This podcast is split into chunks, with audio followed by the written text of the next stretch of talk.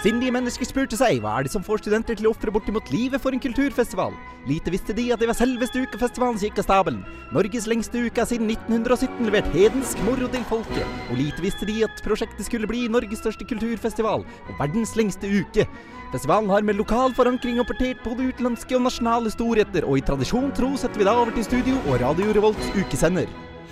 Det er det er helt uh, riktig det. Velkommen skal dere være så mye til eh, lørdagen, den siste lørdagen før uka braker løs. Og det er uh, uke, tid for ukesenderen. det. Mitt navn er uh, Even, og med i studio så har jeg Daniel Helle! Og Og Synne! vi kan begynne med deg, Daniel. For hvem er du egentlig? Jeg er Daniel Jolla Johansen. Eh, Jeg går psykologi her i Trondheim. Og en liten artig fun fact om meg. Jeg le lider av hyppig søvnparalyse. Hva betyr det? Virkelig? Vi helt virkelig. Det betyr at jeg Er så mye får på deg. Takk, eller jeg vet ikke. Det betyr at jeg får ganske sånn intense, spesielle greier om natta. Typ mareritt, men eh, ikke mareritt. Så at du blir låst, og så ser du uh, Og så ser jeg skumle, farlige ting som Ja. vil ta livet av meg. Ja, så Når det var det sist gang? Eh, sist gang var vel tirsdag eller mandag, så det begynner å bli en stund siden nå, faktisk. Men ja, Ja. den uka en eller annen gang. Helle? Det er jo veldig synd at du har disse opplevelsene, Daniel. Det er ikke så fun, det er bare fact. Men eh, jeg heter Helle. Jeg studerer eh, MKI, medier, kommunikasjon og IT på Dragvoll. Eh, Og følgelig har jeg da kallenavnet Naveren. Eh, En fun fact om meg er at jeg er fulgt av en Oscar-vinnende skuespillerinne på Twitter. Oi. Det er kult, faktisk. Ja, faktisk. Alle lurer selvfølgelig på hvem. Ja, ikke sant? For det er, ikke så, det er litt sånn nisje, men Octavia Spencer heter hun. Hun har spilt i eh, Barnepiken, for eksempel. Oh, ja. Ingen, Så ingen kult. Jo, Jo, jo, jo, jo. Det er, er, er det barnepiken? En, en av dem? Er det ikke flere? Jo, jo, jo det er jo så kult. En av barnepikene Ja. følger meg. Ja, ikke sant? Ja, eh, jeg heter Synne. Jeg studerer bygg- og miljøteknikk på fjerde året. Og eh, fun fact om meg er at jeg har vært eh, budeie to somre rett ved brenne, Eh, med Ringe, Ringebu? Brenne, jo, Ringebu. Ringebu. Ja. Ja. ja. Det en, eh, det, alltid når jeg kjører forbi Ringebu med min mor og far, så sier de hva er danavn på telefonkiosk? Ringebu. Ikke sant? Er det faktisk et faktum, eller er det bare noe sånt foreldre foreldre det, sier? det er en sånn pappavits, da. Ringebu telefonkiosk. Ja, jeg skjønner. Jeg skjønner. ja. Nå trodde jeg jeg lærte noe nytt. Nei, nei, nei, nei det, det, det, det gjør du ikke her. Nei, ikke sant, Men hvordan ender man opp som deie? Eh, du, har, eh, du, har en, eh, du har en venn av mamma. Du må ha som, kontakter, med andre ord. som eide en gård oppe i Trøndelag, og så trengte de en budeie en sommer. Og så var jeg det, da. Og jeg tok imot en kalv. Vi hadde ansvar for fire kyr. Jeg, jeg gikk i skjørt og skaut og støvler og ropte inn kyra på morgenen klokken seks. Er det Hvordan sant? kledde du deg? Altså, Hvorfor jeg kledde meg sånn? Det er fordi jeg var en litt eksentrisk unge. Eh, som tenkte skal jeg være bedre, skal jeg være det ordentlig. Betyr det da at du har oktoberfestantrekket klart? Det, er, det har jeg klart. Det er smørt inn med kudritt, men det blir ikke det er, det er sånn, altså, Etter en time på Oktoberfest så er det ingen som ser forskjell uansett. Det er sant. Nei, ikke sant? Og det er egentlig veldig deilig at vi har deg her, fordi du er da det eneste gløshaugen-alibiet i studio. Det er Fordi jeg. går da også på Dragvoll, og jeg studerer det som heter europastudier med statsvitenskap. Som egentlig er en ganske krøkkete ting å si. Jeg studerer europastudier. Det er alltid irriterende å måtte si det, men det gjør jeg jo. Jeg heter Even eh, Bøtta Bertelsen. Eh, og min fun fact om meg selv er at jeg har spist på eh, restauranten til Charter-Svein, kjendisrestauranten. Det er min fun fact, da. Ikke, jeg, var ikke, jeg var ikke kjendisen selv, jeg var bare gjest. Enda. Jeg inviterte meg selv, må også sies. Ja. Ja. Ja. Har han sin egen restaurant? Han hadde det for ett TV-program. Å ja. Ja. Okay. Eh, Men med det så tror jeg rett og slett at vi går rett over til en værmelding. Ja, været i dag blir da altså eh, Det er pent vær akkurat nå. Det er eh, strålende turvær. Dessverre så skal det forsvinne. Så har du ikke gått på tur enda, så kommer du deg ikke ut, rett og slett. For nå kommer vinden, og nå eh, kommer skyene. Så eh, i kveld er kvelden for å kle seg helt passe greit. Enten du skal ut eller inn. Eh, jeg eh, tenker at dette er siste lørdag før uka. Så det er kanskje en grei dag å ta det litt rolig. Kanskje. Ja, så Du vil egentlig anbefale at man da tar Pakke seg inn i et pledd er egentlig min eh, offisielle væranbefaling. Ja. Pakk deg inn i et pledd, legg deg under dyna, se Magic Mike og drikk eh, rødvin. Stillingsansvarlig, festansvarlig, serveringsansvarlig, frivillig verv. Ja takk. Teltbartender, logistikksjef, lagerassistent. Ukefrivillig.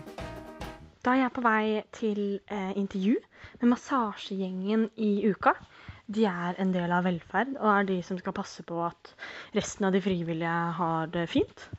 Og gi litt sånn goder, da. Eh, og en av godene er at de skal massere eh, ukevinkene. Og jeg eh, må være ærlig og si at jeg både gleder meg og gruer meg. Fordi massasje digg. Elsker massasje. Gruer meg litt, fordi jeg er fullstendig klar over at dette er en frivillig.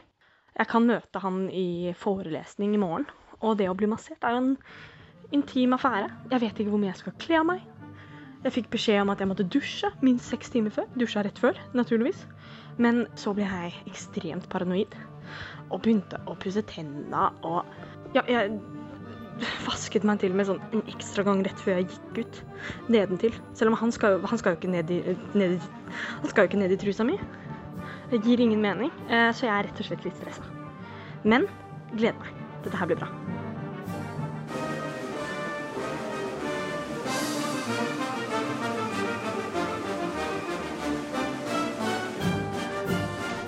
Jeg glemte å ta med eget håndkle.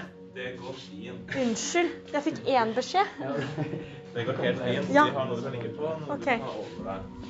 Flott. Så du, velger, du velger selv om du på en måte om jeg skal gå ut og du skal kle av deg. Du Ja, kler gleder meg. Det på meg. Ja. Fordi undertøy er fint. Du velger helt selv om du har lyst til å for min del, hvis det er greit for deg. Du har du er komfortabel Ok, med meg. nice. Vi har fått opplæring i det aller mest stolt her på. Så Er dere bekymret for at noen skal ta av seg alle klærne? Eh, Er det en bekymring du er litt redd for? Jeg er ikke noe bekymra for at noen skal på en måte føle det de har på en måte kommet ut av for langt ut av komfortsonen sin. da. Ja.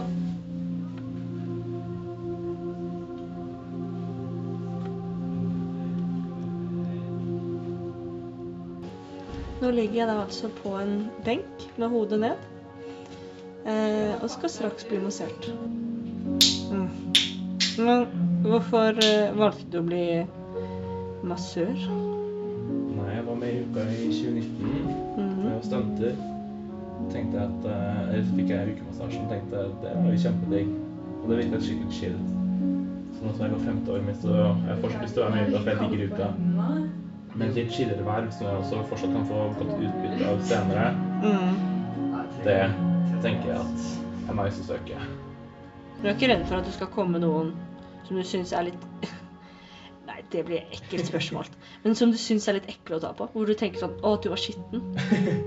Eh, folk har på en måte blitt bedt om å dusje i hvert fall ikke til, liksom, mer enn seks timer eh, mindre, om du skjønner hva jeg mener. Mm. fra de kommer. Så jeg stoler på at folk har gjort det. Og hvis ikke, så Jeg føler liksom Nei, altså Jeg vil liksom ikke at noen skal bekymre seg for at de føler seg ekle heller. Det skal ganske mye til, holdt jeg på å si. Du er jo veldig god på dette. Jeg vet ikke hvor god du var før du fikk dette vervet, men nå er du i hvert fall veldig god. Eh, hvordan tenker du at du kan bruke disse nye ervervede masseringsskillsa videre i livet? Uh, nei, jeg får meg kjæreste først, kanskje. Vet du hva? Ikke dumt. Hæ? Ikke dumt. Mhm. Så vet jeg ikke helt, Man har jo hørt om å ligge seg til toppen, men det å massere seg til toppen tror jeg ikke hadde vært så dumt. Ja, Nei, det er gøy å si at man er både massør og danseinstruktør samtidig. Du må dra damer. Ja. Det er umulig å la være, liksom. Jeg gjør det for jeg syns det er gøy, da. Viktig poeng å få med. Det er veldig viktig. Men ja, det er jo bra på kjæreste-CV-en. Det er det. Få. Jeg liker å det som det faller seg. Er det lettere å massere gutter enn jenter? I og med at vi har liksom flere større intimsoner? um, nei, jeg syns jenter er som regel mindre hårete, da.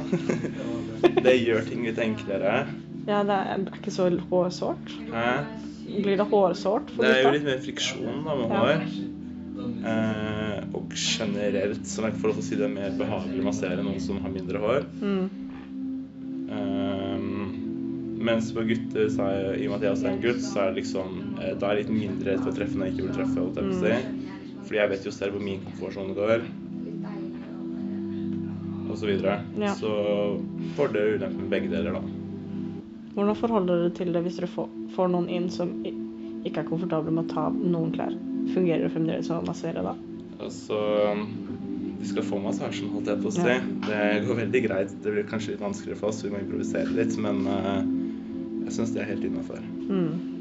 Selvfølgelig, det blir vanskeligere. Men jeg ser for meg at da kan jeg kjøre på litt med ryggen uten olje, litt grann på nakken. Kan jo prøve på leggen også, sånn som jeg gjorde på deg i stad. Mm. Men du får på en måte ikke samme opplevelsen, men jeg kan tørre å påstå deg. Ja. Det tror jeg er helt riktig. Ja. Og det er helt utrolig. Alt er digg.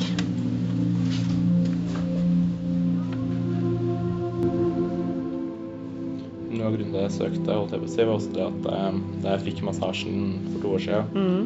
jeg syns de var så dyktige. Jeg dro, eh, tok en massasje da jeg kom hjem til jul etterpå. Mm. Og jeg syns nesten det var verre, egentlig. Så er jeg ferdig, dessverre. Å, men det var så fint. Tusen takk. Jeg Så- har litt lyst til å gjøre sånn.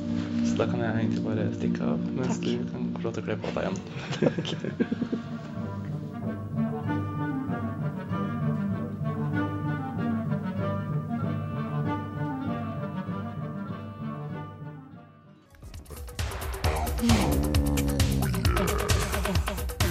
Ukesenderen på Radio Revolt.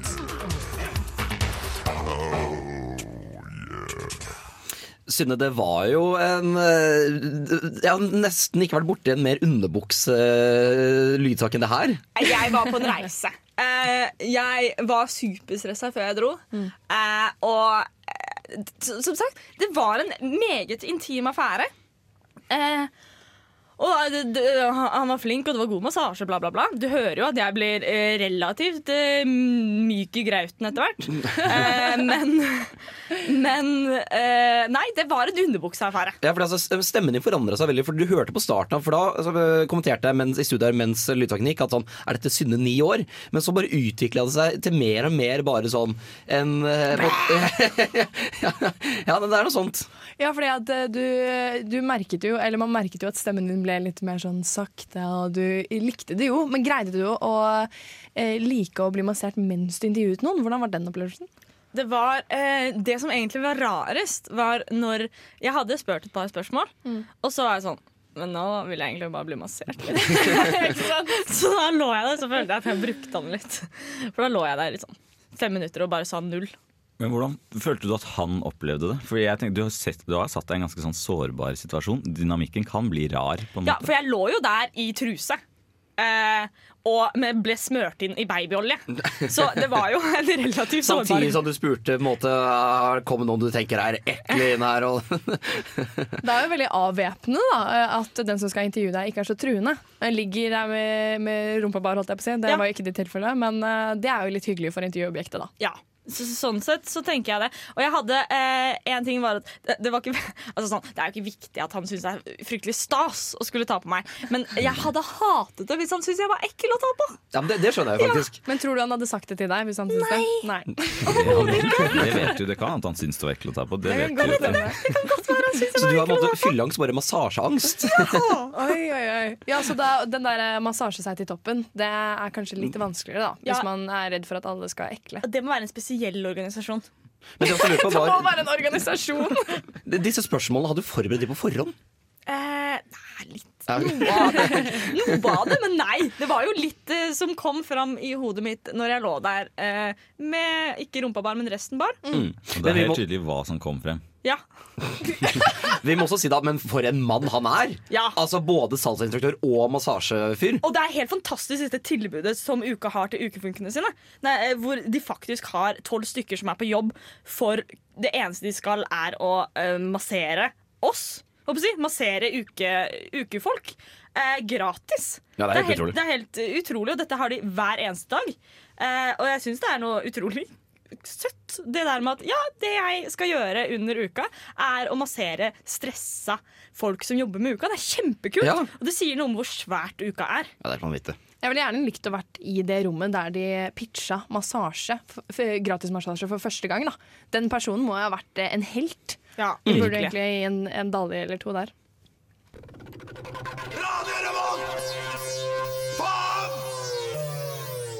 Det er jo nå mm, eh, bare fire dager igjen til uka begynner. Det, på onsdag så er det promenadekonserten. Og vi er jo, eller tre av oss, altså jeg, Even, Helle og Synne har jo vært på uka før. Daniel, du er en såkalt uh, nybegynner. Uh, men det er jo noen do's and don'ts når det kommer til uka for Helle. Hva, hva, hva må man styre unna?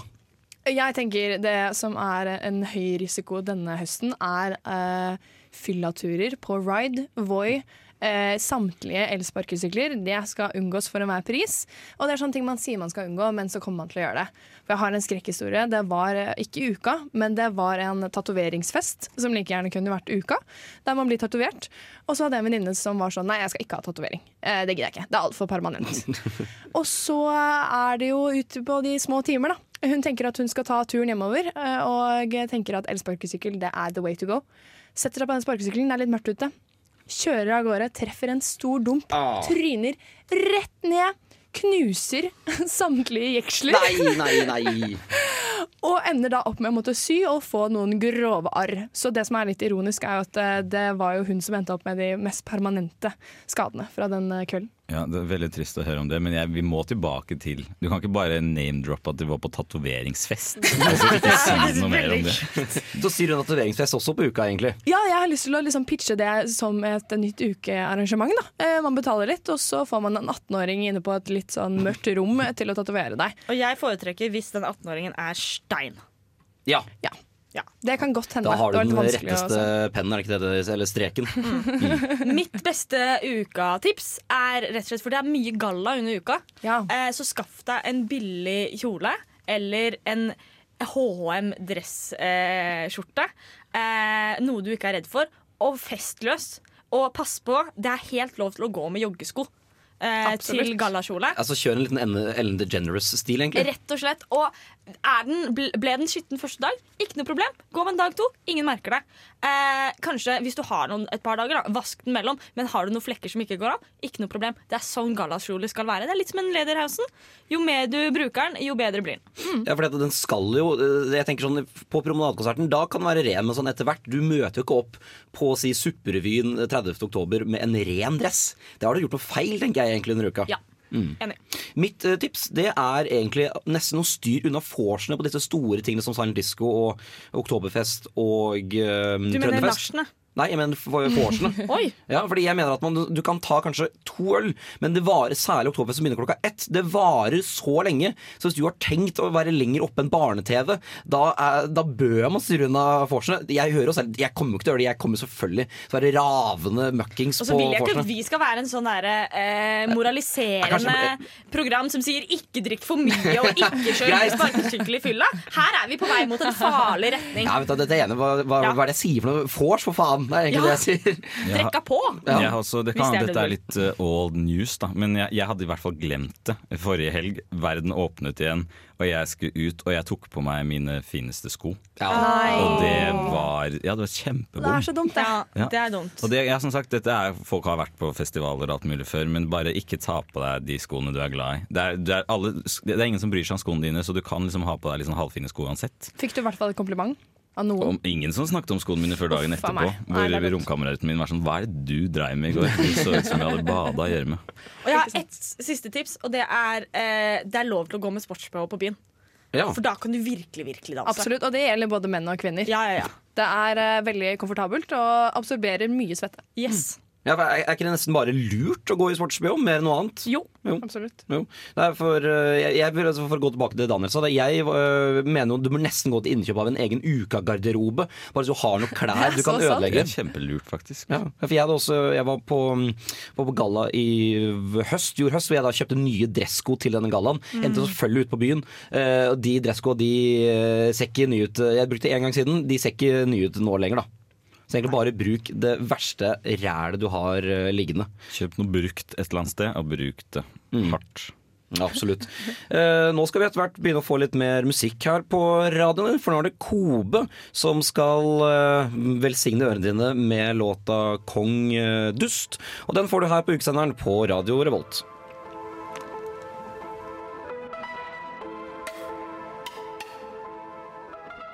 Endelig har byen åpnet igjen. Trondheims studenter fyller gatene og er klare for å ta igjen de tapte festene. Vi har hørt med Trondheim studenter hva de skal denne uka.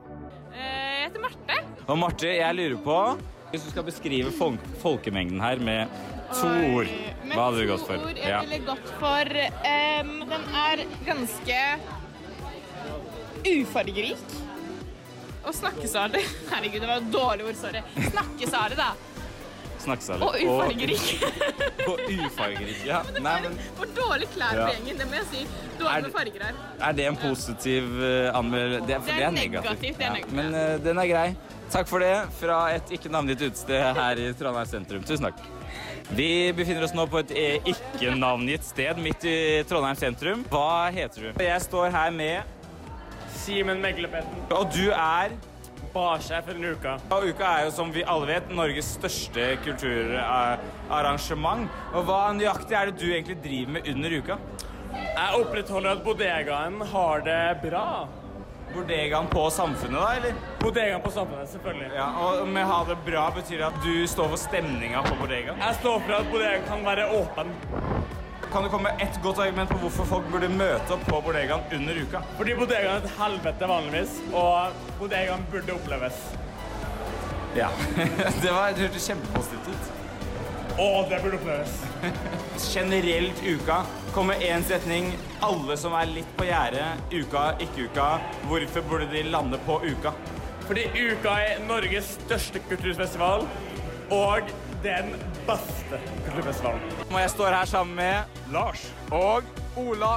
Lars og Ole, for dere vet hvem som dukker opp på Oka, gjør dere ikke? Noenlunde bra oversikt. Noenlunde bra. Og derfor tar vi en sånn Jeg tenker å kjøre en generell eh, fuck, Mary Kill med artister som møter opp på ukescenen. Vi starter med deg, Lars. OK, fuck meg. Uh, jeg kan begynne med Mary. Uh, Aurora. Ja, hun er søt. Aurora. Jeg, kan, jeg, kan, jeg kan gifte meg med Aurora. Jeg kan gifte meg med Aurora. Absolutt. ja, ja. Jeg tenker Tix, ass. Tix? Tix. Aurora Tix, OK? Ja. Og det var Mary, var det det? Ja, ja, Mary. Mary. Og da går vi på Kill. Hvem eh, Nei, ikke, ikke Kill. Fuck, sorry. Fuck. Hvem går vi på fuck? Fuck, faen. Uh, er Pernille Sørensen med? Jeg, jeg, jeg regner med at hun møter opp på sånn på G-helg. Mest sannsynlig håper det. OK, uh, fuck Pernille Sørensen. Ja, jeg, jeg kan være en bikarakter på side om side. Det går, ja. Det vet du hva, du ser ut som en Det er ingen andre som ser det, men du ser ut som en B-karakter på, på det. Ja, og det Vær, vær så god. Jeg skal ikke lyve, ass. Hva sa han nå? Tix igjen. Tix igjen? Tix igjen. Det blir Tix igjen. Skal både ligge med og gifte deg med Tix. Det må, det må skje, det. Det er overalt. Altså, sånn der, altså, eh, in for a penny, in for a pound, ikke sant? Det er det man sier. Sånn, Og det da, er det Ola. da går vi kanskje på den kjipeste. Hvem ville dere helst drept? Ah, jeg ville ha drept Tix, ass. Du Jeg tror jeg ville ha drept Tix. Det er spennende, så nå har vi både. Så, så Tix Det er sjalusi. ja, så nå, Tix har allerede dekket alle spektre av det her, og det er veldig spennende. Hvem vil du helst drepe? Du vil både gifte deg og knulle Tix. Hvem vil du helst drepe? Jeg tenker vi dreper Tix også, ass. Du dreper Tix også? Hovedsakelig for arven. Dobbel homicide. Saklig for armen. Hovedsakelig for Det er, det er veldig spennende. Litt dough. Det har han mest sannsynlig. Og da spør jeg, vi tar navnet hans en gang til. Lars. Ola. Og så helt til slutt, hva syns dere om crowden som dere ser her på dette ikke navngitte stedet? Jeg syns det er ikke-navngitte stedet. Det er ansvarlig fylla. Ja. Det ser veldig koronavennlig ut her. ja. Jeg ser folk holder en meter. Ja, Om, ikke, om ikke to. Om ikke to. Om ikke to. Om ikke tre. Om ikke tre. Ja. Det er veldig hyggelig. Tusen takk til dere, og ha en fin kveld. Ingen problem. Eh, og nå står jeg utafor Hvor er vi egentlig? Sesam utenfor samfunnet. Ferdig med Og du heter Trug Trug. Og Sesam, det var der du spiser? Ja, det er helt nydelig. Det er digg, ass. Det er veldig digg, ass. Det er digg. Veldig og digg, ja. Og jeg sitter også her med Celine. Celine. Og hva, hvordan kan du beskrive Sesam? Jeg var veldig godt. Jeg trengte dette nå. Jeg var så sulten. Hva er det du har bestilt? Falafelrull. Ok, Gi meg ett ord om hva, hva føler du når du spiser falafelrullen din? Jeg føler jeg ikke blir hangover i morgen.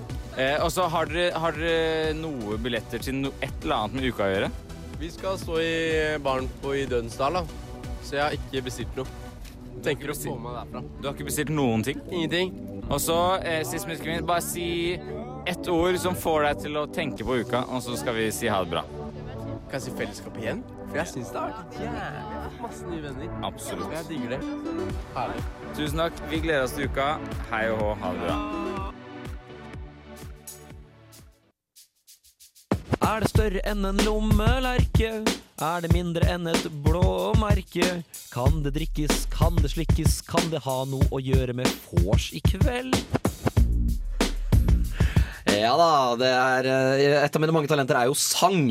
Men nå skal vi se om eh, Lørdagsgjengen på ukesenderen har talenter også for å drive med gjetteleker. For du, Helle, har forberedt noe til oss. Det har jeg. Eh, Vi er jo i uka 2021, eh, og som man hørte fra lille introen her, så er det også noen som heter 20 spørsmål. Men siden det er 2021, så skal vi ta 21 spørsmål med uka. Men forhåpentligvis er det litt smartere enn å bruke så mange spørsmål. Det tenker jeg. Jeg har kommet opp med noen ukerelaterte artister, gjenstander, ting osv. Og, så videre. og så tenker jeg vi starter litt sånn halvenkelt. Okay. Og så ser vi hvor lang tid det tar før dere finner ut hvem eller hva eller hvor det er snakk om. Ja, Er dere klare? Jeg gleder meg. Ja. Så da kjører jeg på eh, lite hint. Første hint er altså eh, rett og slett en artist hvis første hit var en hilsen. Ja, det, det, den, den er veldig lett. Unnskyld, kan jeg bare si det med en gang? Ja. Isa? Fordi eh, Hallo. Hallo, ja. Det, er, det stemmer. Det er, fordi det er en sjuk tekst. Det, det oppdaget jeg, eh, jeg. Big disclosure. Jeg var ute i går. Eh, og på vorset så var det en ja, Jeg vet det er veldig kult. Eh, så var det en som eh, kunne hele teksten til 'Hallo'. Oi.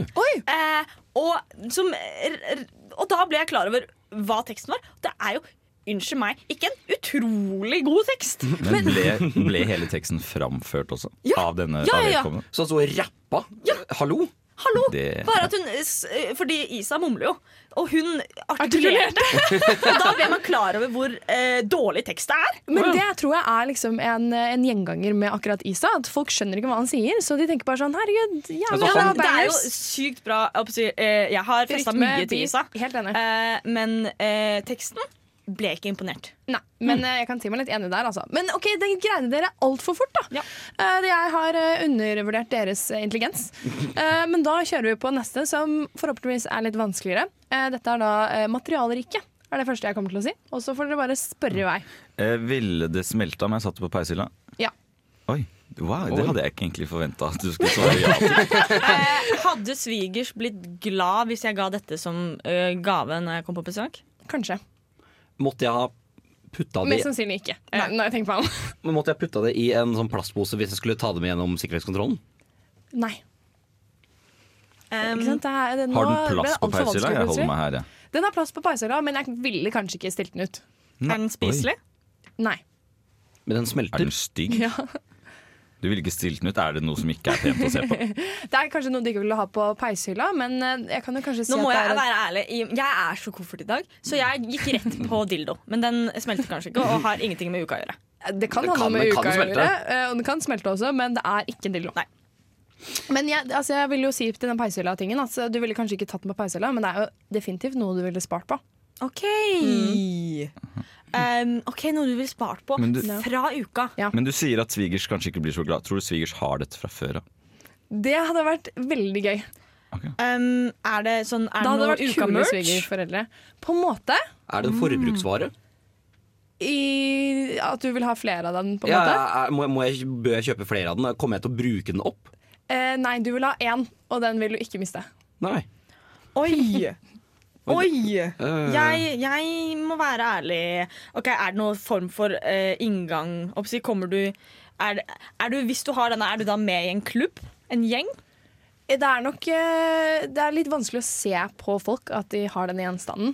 Men hvis du er hjemme hos noen, så kan du kanskje se at de har den, og så er det sånn ah, yes, du også, ikke sant? Er det en gjenstand man stjeler? Det kan godt hende. Ah, her er vi inne på noe! Okay. her er vi inne på vet, noe. føler du at du vet hva det er? Nei, jeg tenk, jeg, jeg, det eneste jeg tenker på, er ølglass. Ja. Uh, og jeg tenker på uka-ølglass. Eh, og er ikke oktoberglassene lagd av plast? Oi, er det oktoberglass? Søren, det er sært. Fy fader, Wow. det var veldig godt eh, Nå Det var, ble jeg det var veldig som å imponert se meg. Sherlock Holmes ja. i action. Ja, det der.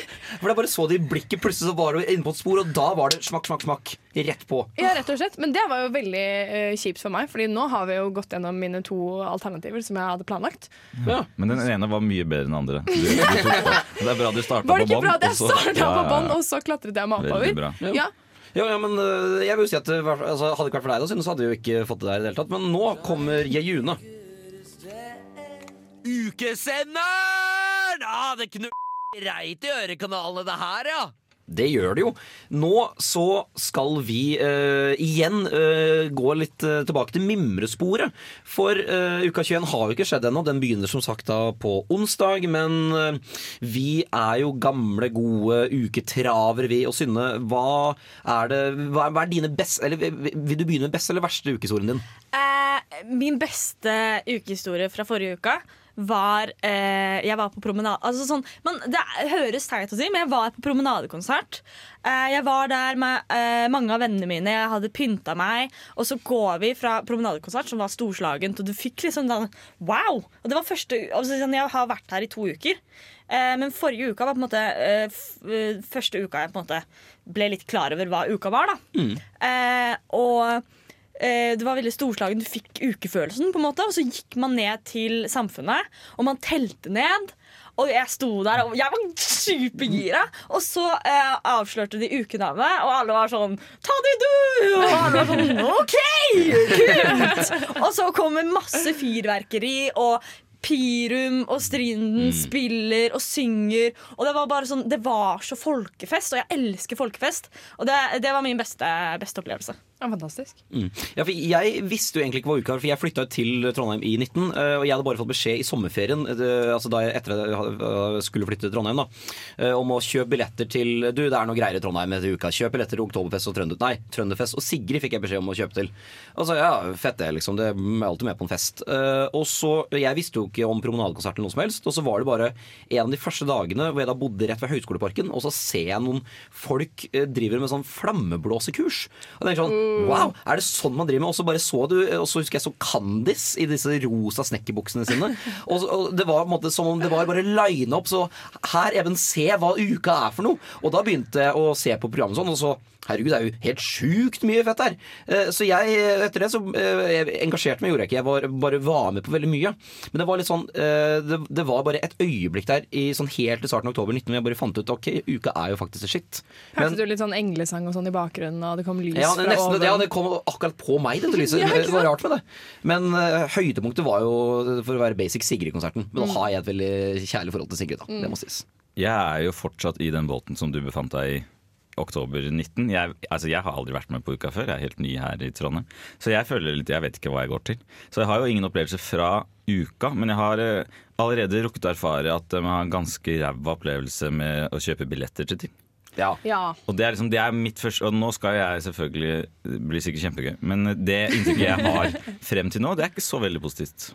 Nei, det er fordi, lov. Det er fordi billettsystemet det kan altså en bolle, faktisk. Mer enn bare Ja, det vaffel og alt mulig. Det sier noe med, om hvor utrolig populære eh, arrangementene er. da Det er Når man har så problemer med å skaffe seg billett. Eh, jeg har også, eh, fordi jeg kom hit i 2017, var min første uka. Og da visste jeg ikke hva det var. Jeg Var helt ny i byen. Hadde ingen eh, venner som kunne lede meg, på en måte, som hadde vært her tidligere. Da. Og da gikk jeg tilfeldig jeg og ei venninne, min eneste venninne på dette tidspunktet, eh, gikk tilfeldig inn på klubben. Og vi hadde ikke helt fått på altså, sånn, Vi var sånn, ok, det er uka vi drar på Samfunnet og ser vi hva som er. da Går vi inn på klubben, og det var masse folk der. Så vi sånn, ok, nå setter vi oss ned. Og vi setter oss ned det som var midt i lokalet da. Men det kommer flere folk og setter seg rundt oss. Så vi har ikke de store mulighetene å komme oss ut igjen. Eh, og så begynner arrangementet, og vi vet ikke hva det er. Så viser det seg å være feministisk porno. eh, Vent da, men da. Hvor det var De snakket om det. Nei. Hvor det var en pornostjerne eh, som kom og pratet om det. Som var og, der? Som var der. Og eh, kom og pratet om det. og, eh, som spilte av flere pornofilmer. Hvor jeg måtte sitte klam Nei. i en sal og du- se på porno sammen med sånn 100 andre. Nesten voldtekt, egentlig. Ja, jeg, var ikke, jeg ba ikke om dette. Det var ikke samtykke fra din side. Eh, og etter det ble jeg veldig mye mer skeptisk til å gå på arrangementet. Jeg var sånn, For plutselig så må jeg sitte i en sal og se på porno, og det orker jeg ikke igjen. Ah, men jeg kan si en liten sånn uh, hyggelig ting eh, som uh, kan vekte andre siden på den. da uh, For jeg var jo på uka eh, 17, nei 19. Herregud, hvor mange år har vi det gått? Uh, og det var uka Vi vil le. Og da var det min opplevelse med silent disco. Og jeg har vært på silent disco før, uh, i noen svette gymsaler, holdt jeg på å si. Uh, helt greit stemning. Men silent disco i Dødens dal er altså en så unik opplevelse. Og det jeg fant ut, da, var at for det første så er det utrolig gøy. Og for det andre, hvis man tar av seg headsetet, så kan man høre hvor mye folk promper. Oi, Man sånn? skulle liksom trodd at, eh, at eh, folk eh, har musikk og ikke tenker så mye på seg selv. Ikke sant? Man tror at Med en gang man har på seg headset, så er det ingen som bryr seg om deg. Mm. Men med en gang man tar seg av seg headsetet, da hører man hvor mye folk slipper løs. Og det er litt hyggelig. Ja, det er hyggelig. Jeg var også på Silent Disco og syntes det var kjempegøy. Men min beste sånn, eh, konsertopplevelse var Trønderfest. Ja. Fy søren, så gøy Ja. Trønderfest er. Ja. God Er det konsert der òg? Ja, ja, det er konsert. det Det er er det jo det, er det, det er, Åge. Åge og. Dag Ingebrigtsen. Jo. Ja. Dag Ingebrigtsen. Det er bare så knallstemning. Det er eh, en av de altså sånn, Og da liker jeg Jeg er fra Østfold, liker å ha i tasset. Ja. Eh, og der føler jeg meg så bra. Ja, og altså, Du Daniel er jo Vålerenga-sporter ved din hals. Det stemmer. Og Jeg er Viking-sporter ved din hals, men akkurat på Trønderfesten Da eh, tok jeg meg selv i å gavle med på Å hei, å hei, å hei, å, å, å, til Rosenborg-sangen der. Ja. Fordi den spiller selvfølgelig, og jeg, ha- det, du, jeg er ikke noe glad i Rosenborg, men akkurat da elsket jeg Rosenborg. Ja, og og det, ja. du kommer til å gjøre det samme, du Ja, også. jeg skal på Trønderfesten, og nå merker jeg at jeg er skeptisk. Men Du, du blir nervøs. jeg ble faktisk nervøs nå. Du kommer til å elske det. Da bli med meg ned trappa her, skal jeg vise noe kult.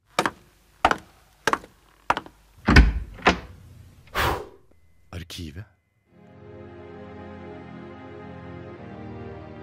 Året var 1993. Sovjetunionen og USA ble enige om å halvere atomlagrene. World Wide Web blir åpnet opp for alle, og Niam Kavanga vinner Melodi Grand Prix. Under uka i 1993 var verdens øyne rettet mot Pirumbanken. Strinden har etter år med undertrykkelse starta et opprør. Vår reporter var på bakken da dette skjedde.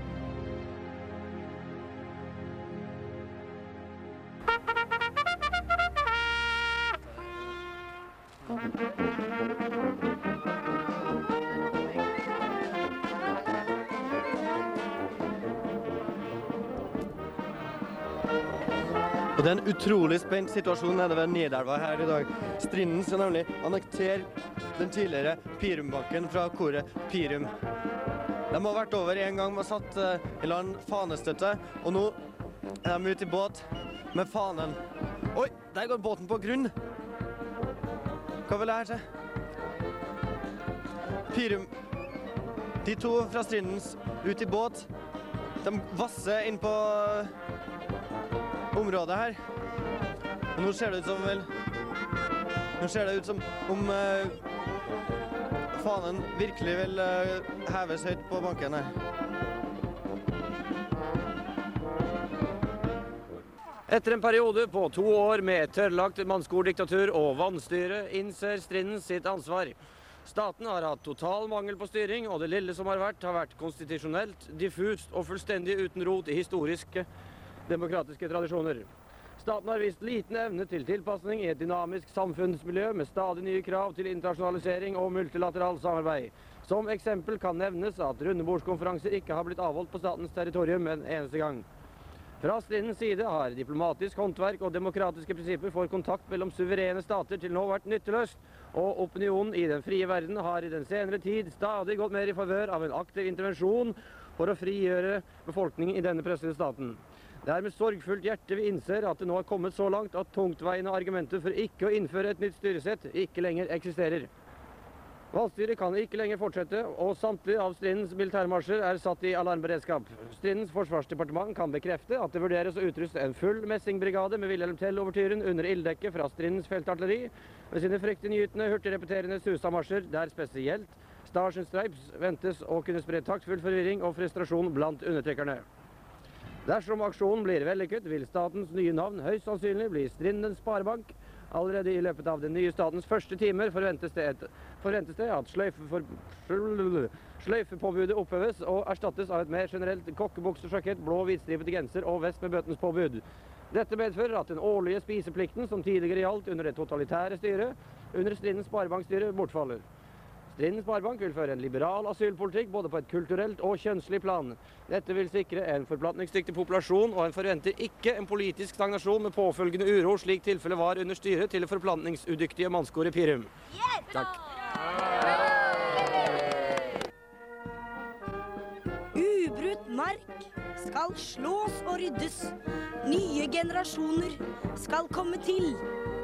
Vi skal få en Levedyktig stat. med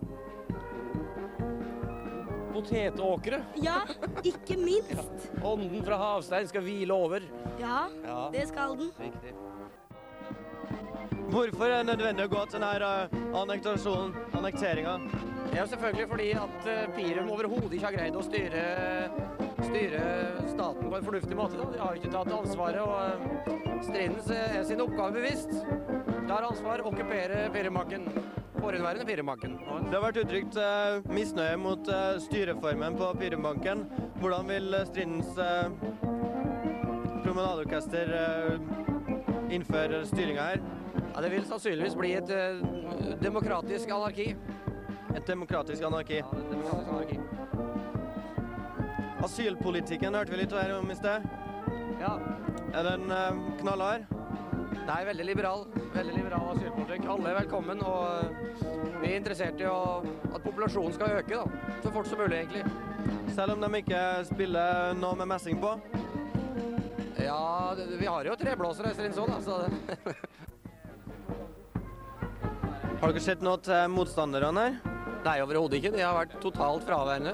Men det er jo i tråd med sånn det har vært de siste to åra, det, så Det er kanskje et uttrykk for at det ikke er så veldig mye vilje hos Pirum til å ha kontrollen over området her. Nei, det virker jo ikke sånn i det hele tatt. Det virker jo som om Pirum eh, fullstendig har eh, overlatt eh, landet til sitt eget forgodtbefinnende. Hvordan vil det bli med diplomatiske forbindelser til andre stater? Jeg regner med å føre et, et samarbeid basert på de prinsipp som suverene stater har for eh, samarbeid. Det har vært litt eh, spredte eksplosjoner og bombardementer her. Er det fra Pirum, eller er det bare utenforstående geriljatropper som vil bare benytte seg av situasjonen? Ja, Jeg har ennå ikke sett eh, noen Pirum eh, her, da, så det må nok bare være tilfeldige opprørere mot eh, rettferdighetens eh, hånd. Her hagler det med snøballer ovenfra, og det kommer faktisk ikke fra Pirum, det kommer fra, så vidt jeg kan se, egne soldater. Er ikke dette et uttrykk for at det er misnøye innad i syns uh, En utbrytergruppe, ja? Dere er ikke så samla som dere gjerne vil fremstå? Og jo da, dette her er selvfølgelig kun en øvelse da, i tilfelle flankeangrep eh, fra oven her. Men man skyter ikke på sine egne for å øve? Jo da, dette er bare dummier som vi eh, får ned her. da. Det er eh, helt ufarlige eh, ting. Som vi hører har Strindens et eh, stort ønske om å fremstå som en samla og helhetlig gruppe. Men det kan jeg reise sterkt tvil om.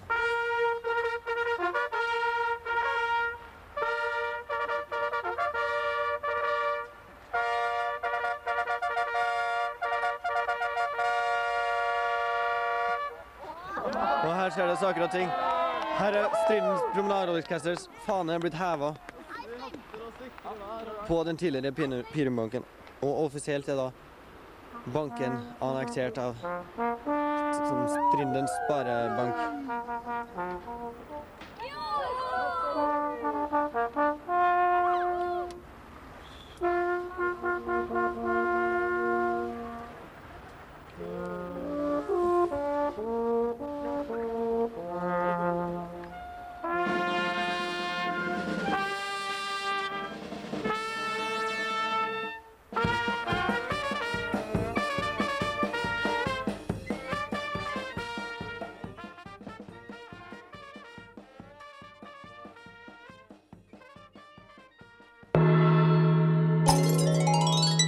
Dine ørekanaler blir velsignet av ukesenderen. Da er vi så heldige at vi har fått et lite besøk inn i studio. Hei til deg. Hei sann. Eh, Hvem er du, eller hva, navnet ditt kan du få lov til å begynne med. Jeg, er, jeg heter Brage. Jeg er da byggmester ved Samfunnet. Eh, samfunnets eget eh, mikrobryggeri som heter Daglighallen mikrobryggeri. Eh, ja, nå, Det sier kanskje litt selv, men mikrobryggeri, altså hva, hva driver dere med der? Nei, altså hvis ikke navnet er avslørt, så er det jo hovedsakelig ølproduksjon. Eh, vi bygger på et lite lokale på huset uten, eh, uten å selge vinduer. Så eh, vi er ikke sett så veldig mye ellers når vi jobber, men vi ses i de ulike barene på huset, da. Betyr det at dere har et litt sånn hemmelig bryggeri inne på Samfunnet?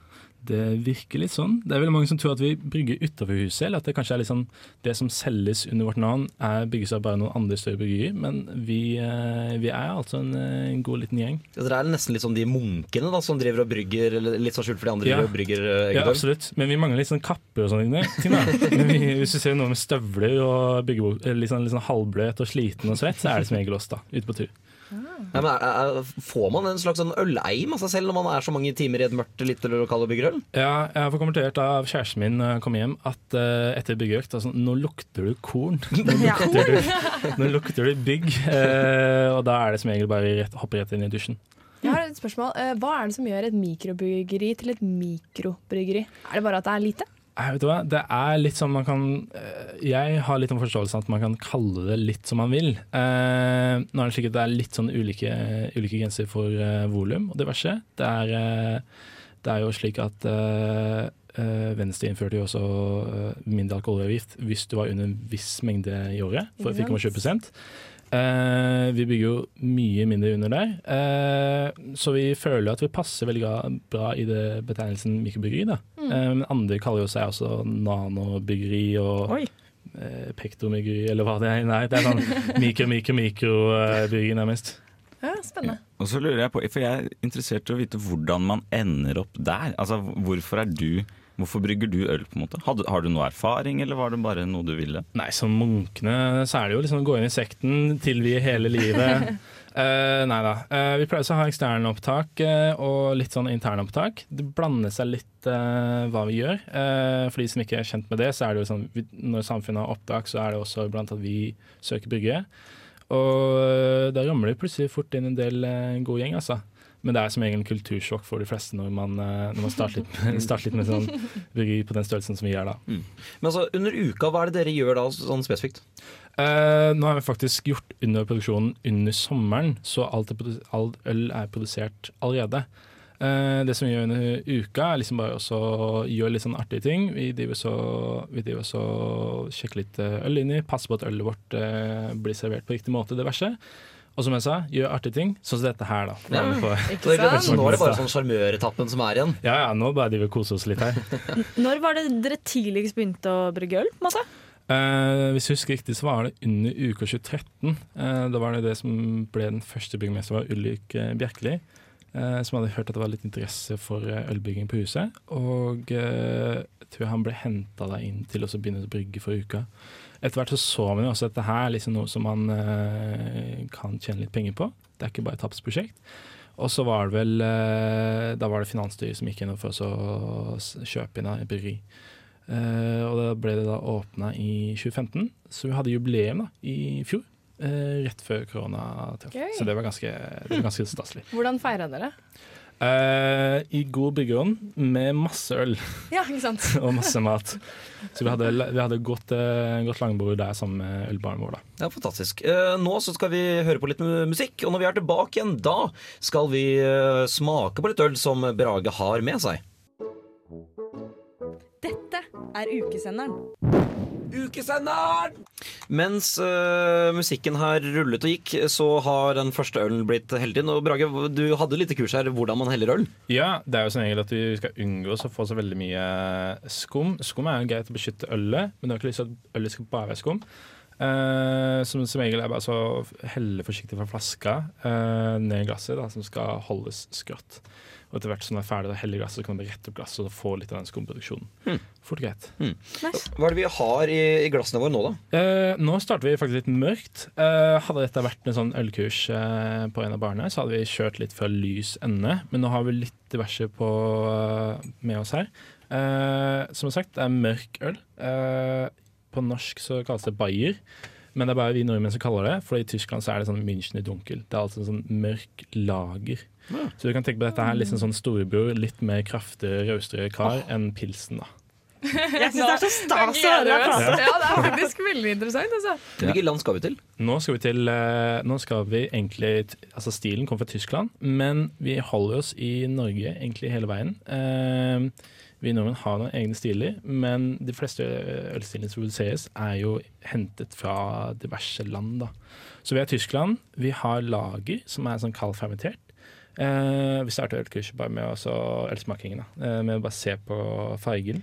Og jeg syns den er litt sånn der karamellfarget, må jeg være ærlig Ja, ja. på. ja, men helt riktig. Eh, men ganske fort, ganske mørk. Ja. Jeg må se eh, Ja, det er først når, når jeg kun ser gjennom to, to centimeter eller noe sånt nå, at Ja. den blir karamellfarget. Ellers så er den Ja, ikke sant? mørkere. Det er jo helt riktig. Eh, fargen fra øl kommer som oftest da, fra kornene. Så når du går gjennom, eh, går gjennom maltingsprosessen, som gjør sånn kornet klar til å bli faktisk malt, som er bryggbart korn, eh, så skal du tørke kornet, og i den tørkeprosessen kan du tørke den litt varmere. Og da kan du få liksom sånn bruning eh, som du får under f.eks. baking. da. Så veldig mange samme smakene som du får kanskje fra liksom sånn baking og eh, eh, sånn kaffe også, som også er røsta i seg selv, vil du kanskje dukke opp i en litt øl. da. Mm. Så du kan tenke eh, litt mer prøve med dere. Den her kan tenke seg litt er brød, brødarome og karamellsmak og diverse. Men da, nå greier jeg ikke å vente mer. nå- nå- nå nå, nå. Da kjører vi på.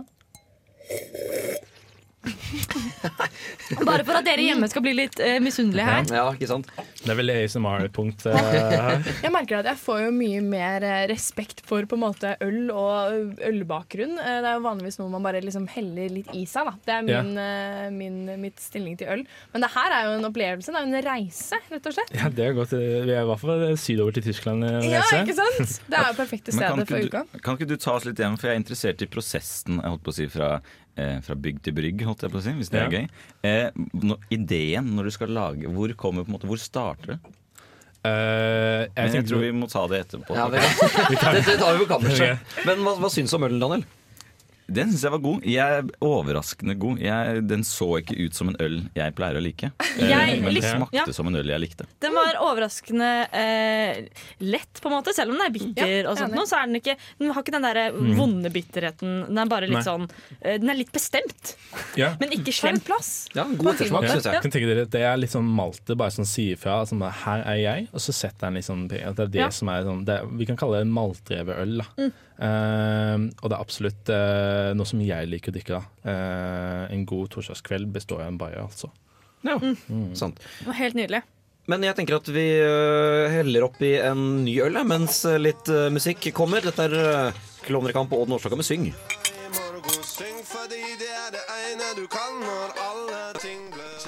Ukesenderen! Mens øh, musikken rullet og gikk, så har vi fått øh, fylt opp øh, glasset vårt. Og hva er det vi har foran oss nå, Brage? Nå har vi en eh, IPA eh, som står for Indian Pale Ale. Nå er vi da eh, kan man si transatlanteren. Eh, IPA er jo fra England, men etter hvert så har amerikanerne bare tatt over helt stilen. Så dette her vil jeg kanskje si er en sånn amerikansk IPA. da. Eh, vi ser liksom sånn uh, Nå er det mye lyse her. Liksom, sånn Mm. Jeg tenker korn. Ja. Korn umiddelbart. Korn. Sånn gyllen Dette er en uh, Kom fra Østfold, dette er en fin åker på vei til skolen. Ja, for jeg syns denne var veldig pen. Det er en solnedgang, nei, soloppgang Men litt ja. grumsete er den ikke, for du klarer ikke å se helt gjennom den. Ja, og det er liksom Det er ikke noe som er dumt for ølet heller. Det betyr bare at det er ufiltrert. Mm. å filtrere ølet koster litt penger, eh, så hvis du gjør det for syns skyld, så er det liksom Det er et pluss, men det er Jeg har også hørt flere bygget sagt at det fjerner del av smaken. Ikke sant. Mm. Så det er liksom sånn, hva skal jeg si, hipp som happ. Ja, Da tror jeg jaggu vi går for smaken igjen. ja. Skål, velkommen. Skål. Åh. Mm. Nå forsøkte jeg på den teknikken din. Jeg vet ikke Ja. om jeg mestret det. Ja, Puste gjennom munnen, og så gjennom nesa tilbake. Det Eh, er en reise gjennom eh, nasale ganger. Nasal, nasale ganger. Pent sagt. Uh, nei, Jeg er veldig, altså IPA har jo hatt en oppblomstring uh, etter eh, mango-IPA. Jeg er kjempeglad i IPA. Ja. Eh, likte den veldig godt. Jeg syns den smakte litt som en eh, kornåker i soloppgang på vei til skolen. I Østfold. Absolutt. I Østfold. Og det er et stort kompliment! Nå er det bare nå er det mye Østfold her. Jeg trodde Ja, du skulle til veldig. Amerika. Så var det bare Stort sånn kompliment. Nå er vi hjemme. Jeg liker at du starter liksom med Indian Pale Ale, og vi skal jeg tror reise det er en lang Det blir inn sånn Østfold. veldig eh, sånn, Dette kan båndes på fest. Det er verre, verre steder å være, da. Ja, men det er nettopp det. Den kan båndes på fest, men den Ja. kan også nytes litt, føler jeg. Mm. Eh, Litt av Jeg hvert. ville spist denne her til en god, kraftig Du vil spise den? pølse. Jeg trodde du skulle si elgstek. eller sånn Med vaffel, den er pølsen. Ja, ja. Ja. En god, kraftig, en sånn grovkorna pølse i vaffel. Mm, mm, mm, mm. Men da tror jeg vi sender glassene videre retning Brage igjen, så Ja. kan eh, han få lov til å by på noe nytt her. Hvem eh, er det du vil by på Nå, denne gangen? nå tenkte vi skulle kjøre noe uh, her, da. eh, ta den på der, ja. Å, Å, vi vil gjerne høre. Der, ja. Å, Å, vakkert, vakkert. Vi lager jo lydbilder her. her. Det er Eh, jo bare å lukke øynene og leve seg inn i opplevelsen. ja, dette er en meditativ guide på luften her også. Sånn reise Hør på den deilige lyden. Ja, for dette, er, dette er den vi drikker. den her var kjempepen i fargen. Dette er ferskenfarge på Ja. sitt Ja. beste. Og nå er det liksom ikke fargen fra øl eh, lenger, for bare kornet. Nå begynner vi å snakke om det som er lagt opp i ølet. Ja, for dette her, nå, er det, nå, nå driver vi ikke med renhetsloven lenger, liksom. Nei, nei, nei. nei. Eh, for de som ikke vet, så er renhetsloven bare sånn fire grenser. Eh, gjær, humle, bygg og vann. Ja. Og nå er vi liksom på frukter, da. Eh, Dette er litt skittent, med andre ord. Det det luktet- rent. Bringebær. Ja, ja, Er det, det bringebær i? Oi, oi, det er flinke, altså, folk her. Det er bringebær oppi ølet her. og dette er en surøl. Dette er en surøl. Ja, ja, ja, fordi dette er, denne har jeg drukket før, Mhm. faktisk, for dette er en personlig favoritt eh, i Bertelsen hjemme. Ja, Vi har ikke lov da, altså, for å si navnet, men det er jo en Berliner Weisse med eh, bringebær og lime. da. Oi. Å, fy søren. Den er Denne her ja, var. Den røsker godt. Men nå vet jeg det er flere som sier at, eller noen som mener at surøl ikke er øl. Hva er din eh, betraktning av det? Vet du hva, det er jo jeg tenker sånn, det er mye Det er mye som legges i mye forskjellig, men, men hvis man har korn i det, hvis det er på en basen og mye preg, Ja. så tenker jeg at da er det øl.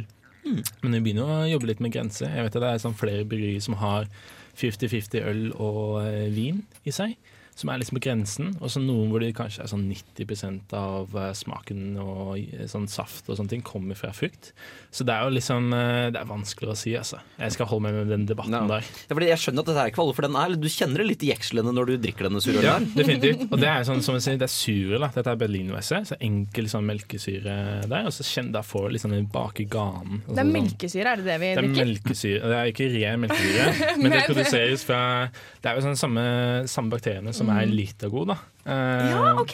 ja, ja, Så du får eh, gode magebakterier av å ta et glass med den ja, det, her? kan jeg, det kan du gjerne si. Men I Sverige så er det i Berlinweisse er det jo deftet. da.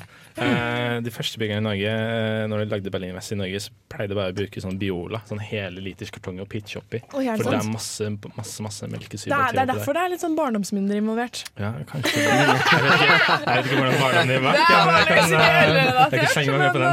men, Ja, det her var kjempegodt. Ja. Mm. Og så fin farge. Sånn ferskenfarge, som du sa.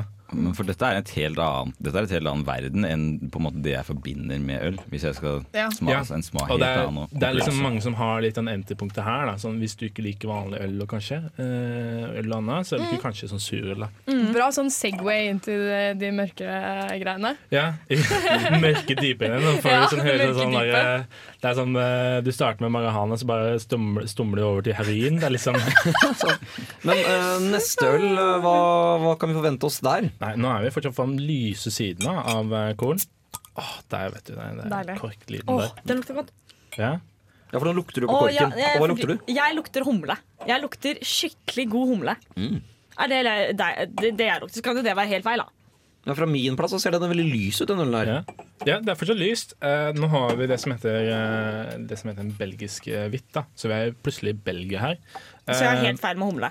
Nå, ja, det er ikke så er Korken lukter lukta sånn- humle. Det står jeg Jeg Kjære Østfold. Alt smaker korn og humle. Uh, men dette her er uh, altså det er belgisk hvitt. De putter veldig mye rart. Nå respekterer jeg ikke de renhetsloven, så det er både litt forskjellig der.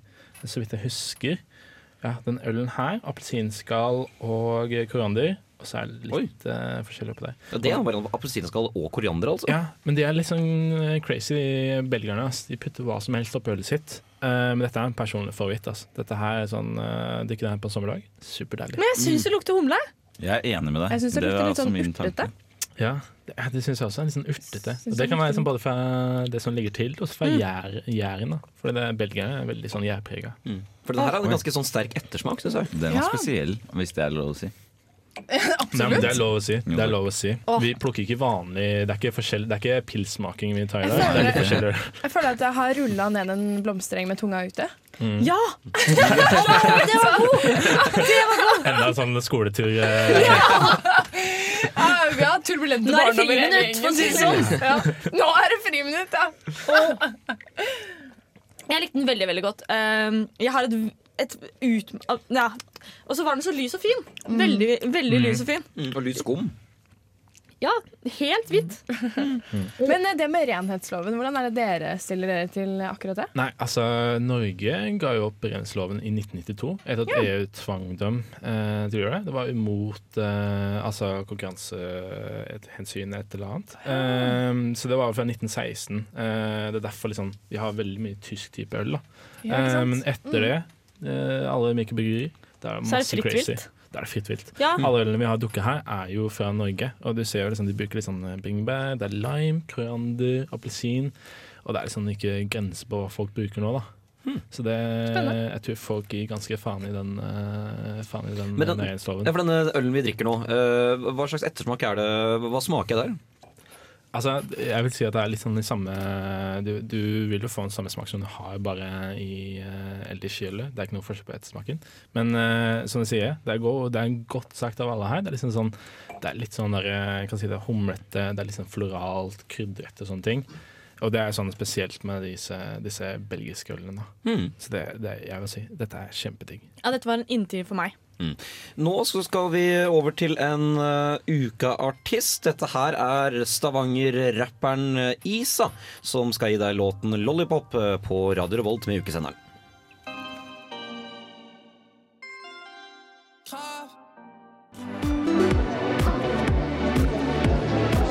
Fest i helgen. Bursdagsfest, faktisk, med 140 gjester. Tusen takk for at jeg ikke ble invitert.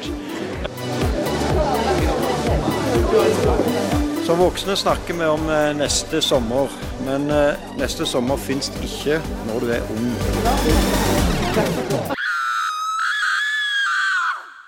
Jeg har alltid sagt at det finnes ikke samfunnet eller uka. Det finnes bare én enhet, og det er jo samfunnet. Vi kan skille mellom navn og titler, men det ville aldri vært ei uke uten samfunnet, og samfunnet ville aldri vært der uten uka.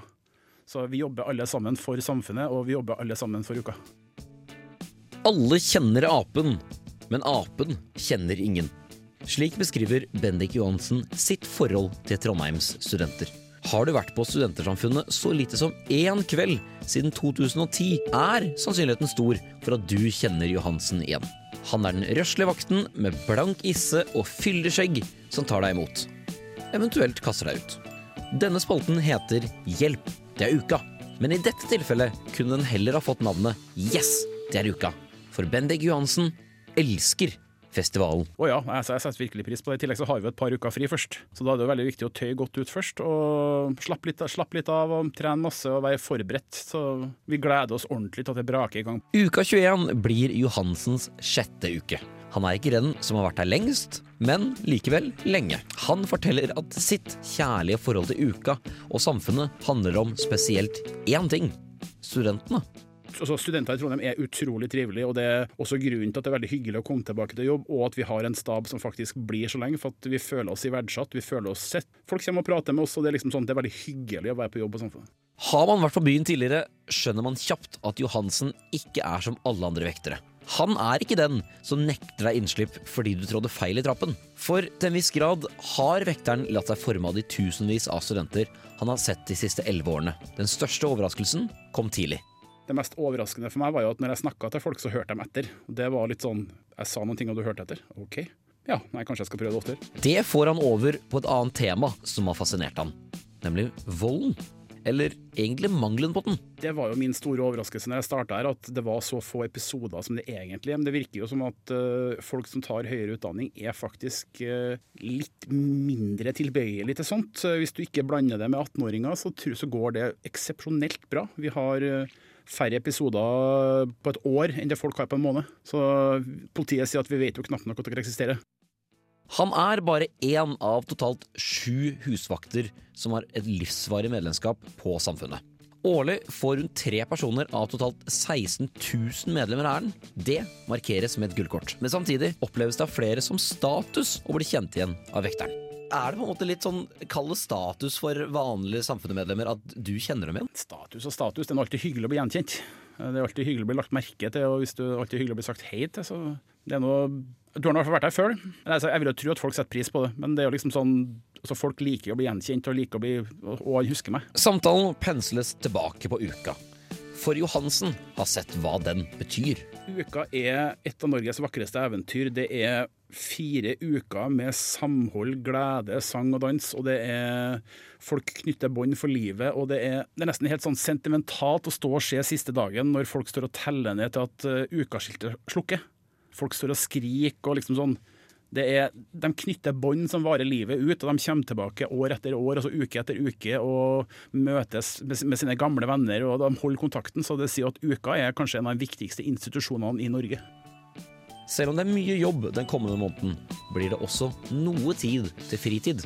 Den brukes på uka. Som alltid, så Jeg ønsker alltid å dra på Suppa. Suppa er en helt spesiell institusjon i uka, og det er en langtlevende tradisjon. Så det, men eh, jeg vil nok få med meg revyen, som alltid. Og det eh, skal til og med ta den på premieren i år. Så det, første og siste forestilling er alltid viktig å få med seg. Som vekter er det alltid noen som har et horn i siden til en. Garantert også Johansen. Men de må bare venne seg til han, for han har ingen planer om å dra. Kan fort hende at jeg må bæres ut, men da skal jeg bæres ut til allsang. Du klinger da, eller? Ja ja, det er så godt som intet annet. Ukesenderen kommer inn i dine ører nå. Det er eh, tid for den gode gamle leken eh, fuck, marry, kill. Solid. Solid. det, her, Det var solid det her kommer også. inn i ørekanalene våre heller. Nei, eh, fuck, marry, kill. eh, Hvis man ikke kjenner til den veldig fort, så går det da ut på at man skal da få tre personer man sannsynligvis har hørt om, hvor man da skal fucke en, eller som du sier, Daniel, knulle en. Nei, nei, nei, Hvor du skal gifte deg med en, eller du skal myrde en. Eh, har du forberedt noen, Synne? Ja, det har jeg. Um, jeg uh, har OK, fucke. Her må jeg være så basic at uh, jeg tenker For der sto jeg faktisk veldig lenge mellom koret Pirum Ja. eller, Det blir en tur. eller Arif.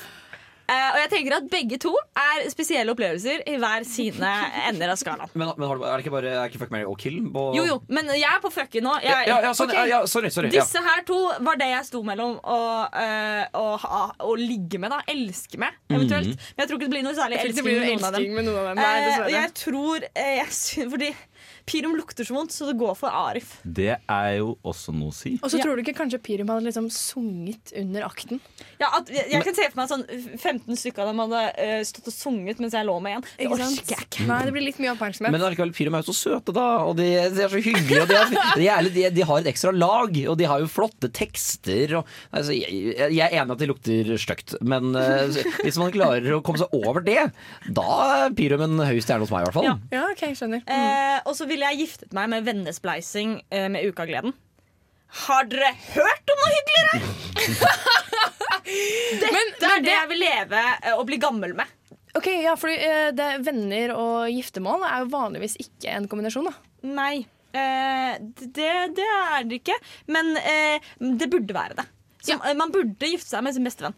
Man burde jo det. Ja. Det er sant. Eh, og det er det hyggeligste arrangementet jeg har hørt Ja. om. Og jeg ønsker å gifte meg med noen som er veldig hyggelige, så det passer meg fint. Eh, kill. der eh, Der er det hypnosekurset.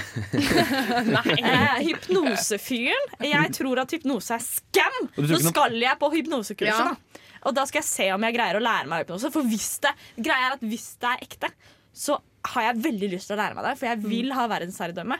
Ja. Eh, men hvis det er scam jeg, jeg er litt redd for å bli hypnotisert. Og derfor vil jeg bare drepe det. Ja, så ja. fort som mulig. Men, men samtidig så er det jo uh, Eller det, det er litt frempekt da, til en senere lørdagssending her på Ja. Ukesenderen. Fordi du skal jo da gå på hypnosekurs, lære å hypnotisere, og så da prøve å hypnotisere alle sammen. Ja, Så egentlig Eller en av dere. Vi får se hvem av dere Ja, det blir. hvem som er mest tilbøyelig. Jeg vil veldig gjerne bli hypnotisert. Nice. Jeg har jo kjørt en litt annen eh, inngang på, på denne spalten her. Fordi det jeg har gjort er at jeg har valgt ut tre personer, og så skal dere Ja. få lov til å bestemme hvem dere skal fucke, marry og kille. Oh, ja! Mer klassisk- mer klassiske varianter. Sorry, Nei, nei, det er jeg som synes personlige meninger. Men det liker vi alltid å høre på, Synne. Variasjon, variasjon er gull. jeg startet. Men det var veldig gjennomtenkt og hyggelig. Ja, ja, men Du hadde jo gjort en jobb Ja, absolutt. Ja. Men i hvert fall, det, De dere skal få lov til å velge mellom, da, det er, Mm. eh, den ene er Tone G. Altså hun som skal ha twerkekurset. Twerke mm, Ja. ja. Eh, Den andre er eh, Lisa Tønne. Altså en fjerdedel av Humoraften, eller hva det er Ja, for noe. ja, ikke sant. Og den tredje er Maria Stavang, som skal ha SoMe-kurs.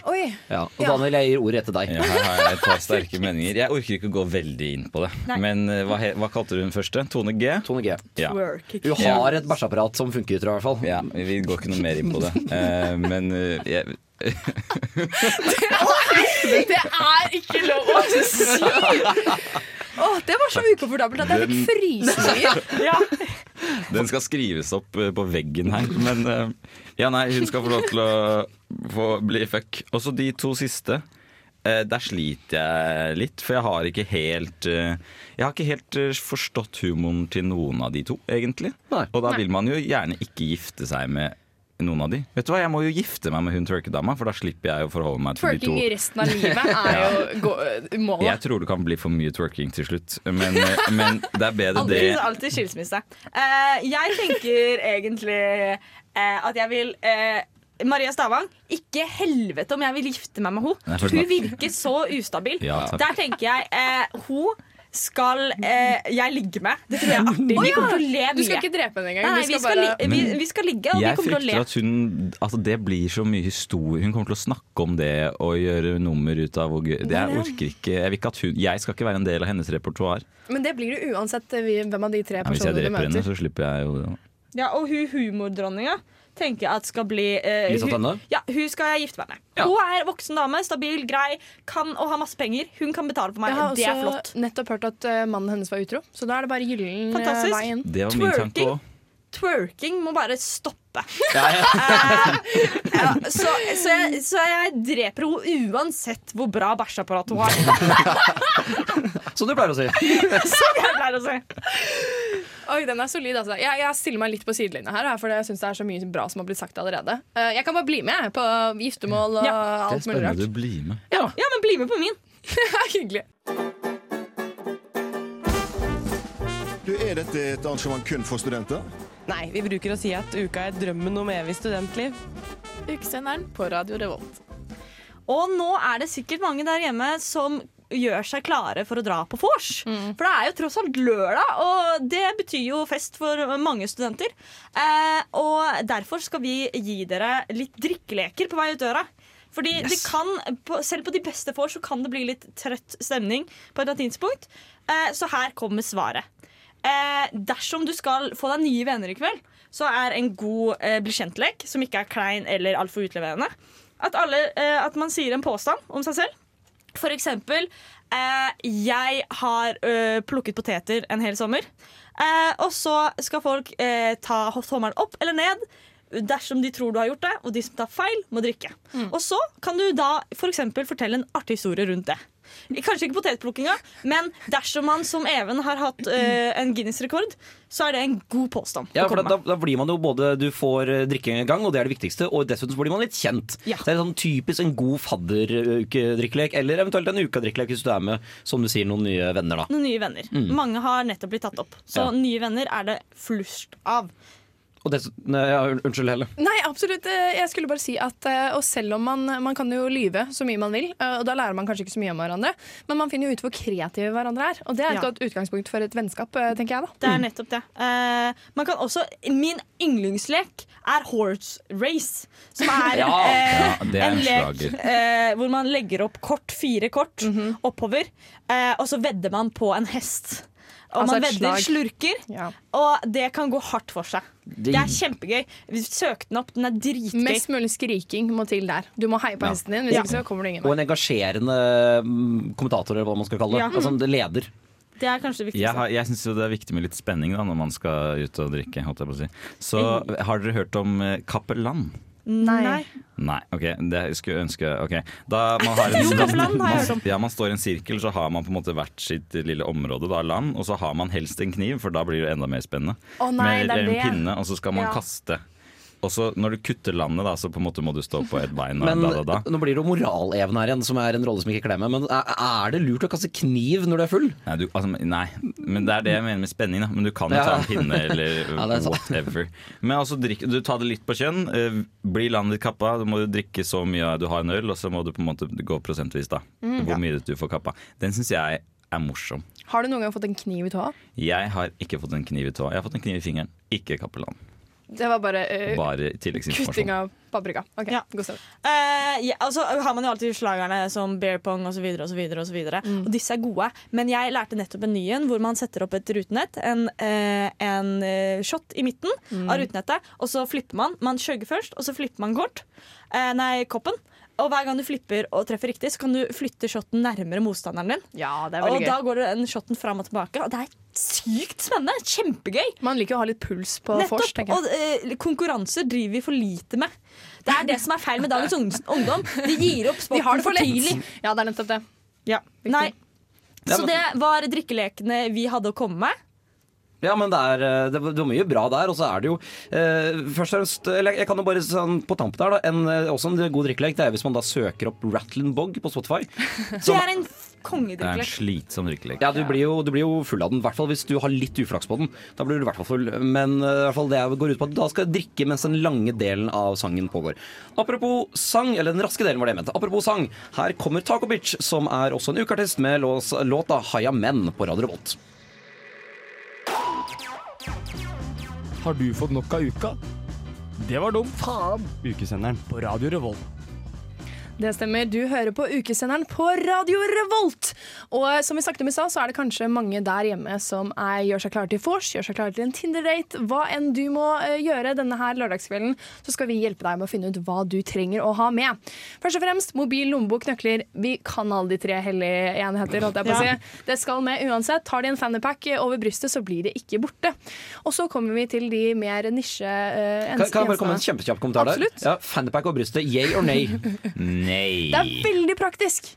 Eh, Ja, det for- ser kanskje ikke så bra ut. For uh, jenter som ikke får lommer på buksene sine, Ja, okay. og væske er noe drit, så er det faktisk en yay. Helt, helt enig. Hvis du vil ikke ha en væske som Du vil svinger ikke rundt ha når du danser. magebelte, og alternativet da blir en fannypack over brystet. Det blir det.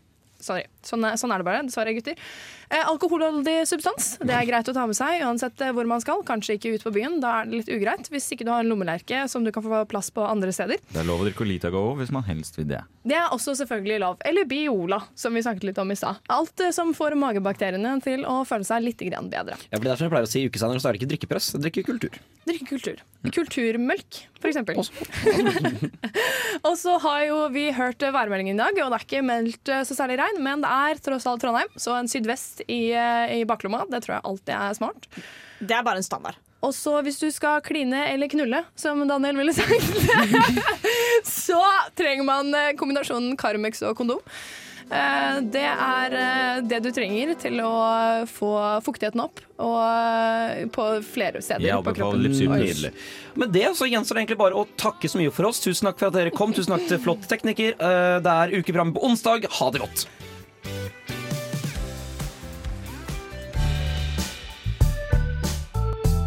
Du har lyttet til en podkast på Radio Revolt, studentradioen i Trondheim. Sjekk ut flere programmer på radiorevolt.no.